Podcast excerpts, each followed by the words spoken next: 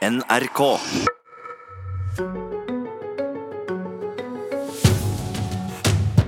Er det mangfold i norsk film? Det har Norsk Filminstitutt eh, tatt mål av seg til å finne ut. Og Noe av det de fant da de undersøkte eh, filmer fra de siste seks årene, er at eh, det bare har vært én hovedrollefigur som er homo. Dette overrasker en av Norges mest erfarne filmprodusenter. Det syns jeg er rart i dag, hvor det er en ganske sånn å si, normali normalisert ting, som ikke trenger å være et stort poeng. Det sa filmprodusent Synnøve Hørsdal, som driver produksjonsselskapet Maipo Film. Hun snakker om resultatet av Norsk Filminstitutts undersøkelse om representativitet i norsk film de siste seks årene. Den viser annet at det kun er filmen Thelma fra 2017 som har hatt en homofil hovedrolle de siste seks årene. Jeg kjenner at jeg er sint på deg, Gud. Hvorfor gjør du dette mot meg? Den er én av filmene som inngår i de til sammen 182 filmene og kinodokumentarene som er med i undersøkelsen. Norsk Filminstitutt har sett på de offisielle trailerne og lest anmeldelsene fra NRK i arbeidet med undersøkelsen. Det er fordi NRK har anmeldt samtlige av de 182 filmene. Ståle Stein Berg er spillefilm- og dramaseriekonsulent på NFI, altså Norsk Filminstitutt, og han oppsummerer funnene i undersøkelsen på denne måten. Underrepresenterte grupper ikke kommer spesielt godt til orde i norsk film, og det er noe vi må gjøre noe med. Han mener norsk film trenger flere roller med minoritetsbakgrunn, og han reagerer på denne måten på at det ikke er noen hoved- eller biroller med urfolk eller nasjonal minoritetsbakgrunn. Det er veldig betenkelig. Det eneste positive i undersøkelsen er ifølge Berg dette. Kvinne hovedrolle, 43,6% Så der har strategiarbeidet og den metodiske jobben med å heve kvinneandelen funka, kan det virke som. En av dem som har vært opptatt av kjønnsbalanse i sine filmer, er filmprodusent Hørsdal. Hun mener at om man ser filmene under ett over tid, så burde man se mer mangfold til sammen enn det denne undersøkelsen viser. Nei, det er klart, Over et såpass stort volum så burde det jo vært noe mer representert, for det handler jo litt om hvilken historie man får fortalt. Eh, og hva, hvilke historier som kommer ut. Så, så, det er jo viktig at det er på en eller annen måte representativ for en eller annen eh, gjenkjennelig virkelighet. Hørsdal mener det bør være mer vilje og ønske fra filmskaperne enn et ansvar for å lage karakterer med større variasjon enn de gjør i dag. Og grunnen til at hun mener at mangfold er viktig, er denne. Jeg tror det blir bedre historier av det. At vi har et større spekter å ta av. NFI deler årlig ut 600 millioner offentlige kroner til norske filmer. Fremover vil mangfold også være et av kriteriene de vurderer når de skal bestemme hvilke filmer som vil få støtte.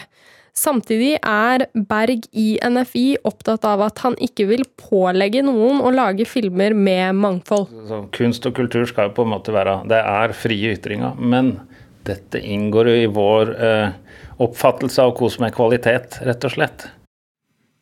Det sa filmkonsulenten eh, i eh, Norsk Filminstitutt, og reportere var Maiken Svendsen og Mia Becker.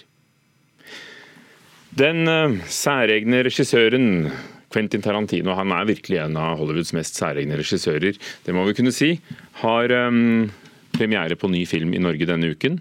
Det var en gang i Hollywood. Once Upon a Time in Hollywood. Med typiske Hollywood-skuespillere, Leonardo DiCaprio og Brad Pitt i hovedrollene som avdanket skuespiller, og stuntmannen hans. Og vår kritiker Birger Vestmo har allerede vært på kino.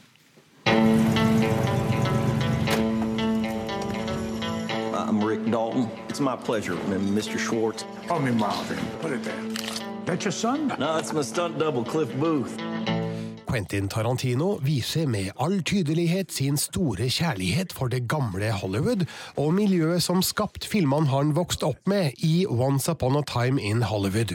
Som tittelen antyder, kan det her på mange måter ses på som et slags eventyr, med en blanding av oppdikta og virkelige personer og hendelser som tar historien til noen overraskende steder. Filmen er breddfull av filmatisk nostalgi, fargerike figurer og fenomenale enkeltsekvenser. Helheten er kanskje litt vaklende, og en dypere mening kan være vanskelig å finne, men Once Upon a Time in Hollywood er en film det er vanskelig å motstå. Tarantino viser en gledelig trang til å more, underholde og av og til sjokkere. No. So you still direct, huh? Still here. You could do anything you want to him.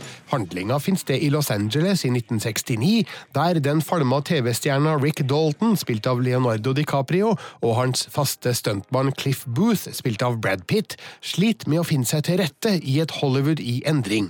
Bransjen de slo seg opp i, er ikke lenger den samme, og yngre krefter tar over helterollene.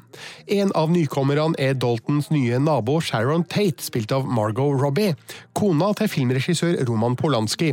Hva som skjer videre, skal ikke avsløres, men året er altså 1969, og Charles Manson og hans kult er i omløp. Line. Cut! Embarrass yourself like that in front of all those goddamn people. Quentin Tarantino er i et lekende humør i Once Upon a Time in Hollywood, og det resulterer i en av hans hyggeligste filmer, båret frem av DiCaprio, Pitt og Robbies sympatiske rolletolkninger. Tarantino er åpenbart fascinert av tida, typene og forholdene som ga grobunn for hans kjærlighet til film, og skildrer miljøet med en imponerende stor sans for detaljer, både på lyd- og bildefronten. Filmen er imidlertid ikke bare leik og moro, men har òg kapitler med en anelse krypende uro og uhygge, samt en spesielt hardtslående sekvens der humoren er kullsort og helt fantastisk. Once Upon a Time in Hollywood har noen ujevne partier, og kommer derfor ikke til å plassere seg blant Tarantinos aller beste filmer, men er et kjærlig, energisk og underholdende tilbakeblikk på det gamle Hollywood. You're Rick fucking Dalton. Don't you forget it. Terningkast fem. Og blant ukens kinopremierer vil, eh, har Birger Westmo allerede gitt terningkast seks til konsertfilmen 'Amazing Grace', som også har premiere. En konsert med Aretha Franklin fra 1972, som først nå kommer på kino. Les alt om det på Filmpolitiets sider på nrk.no.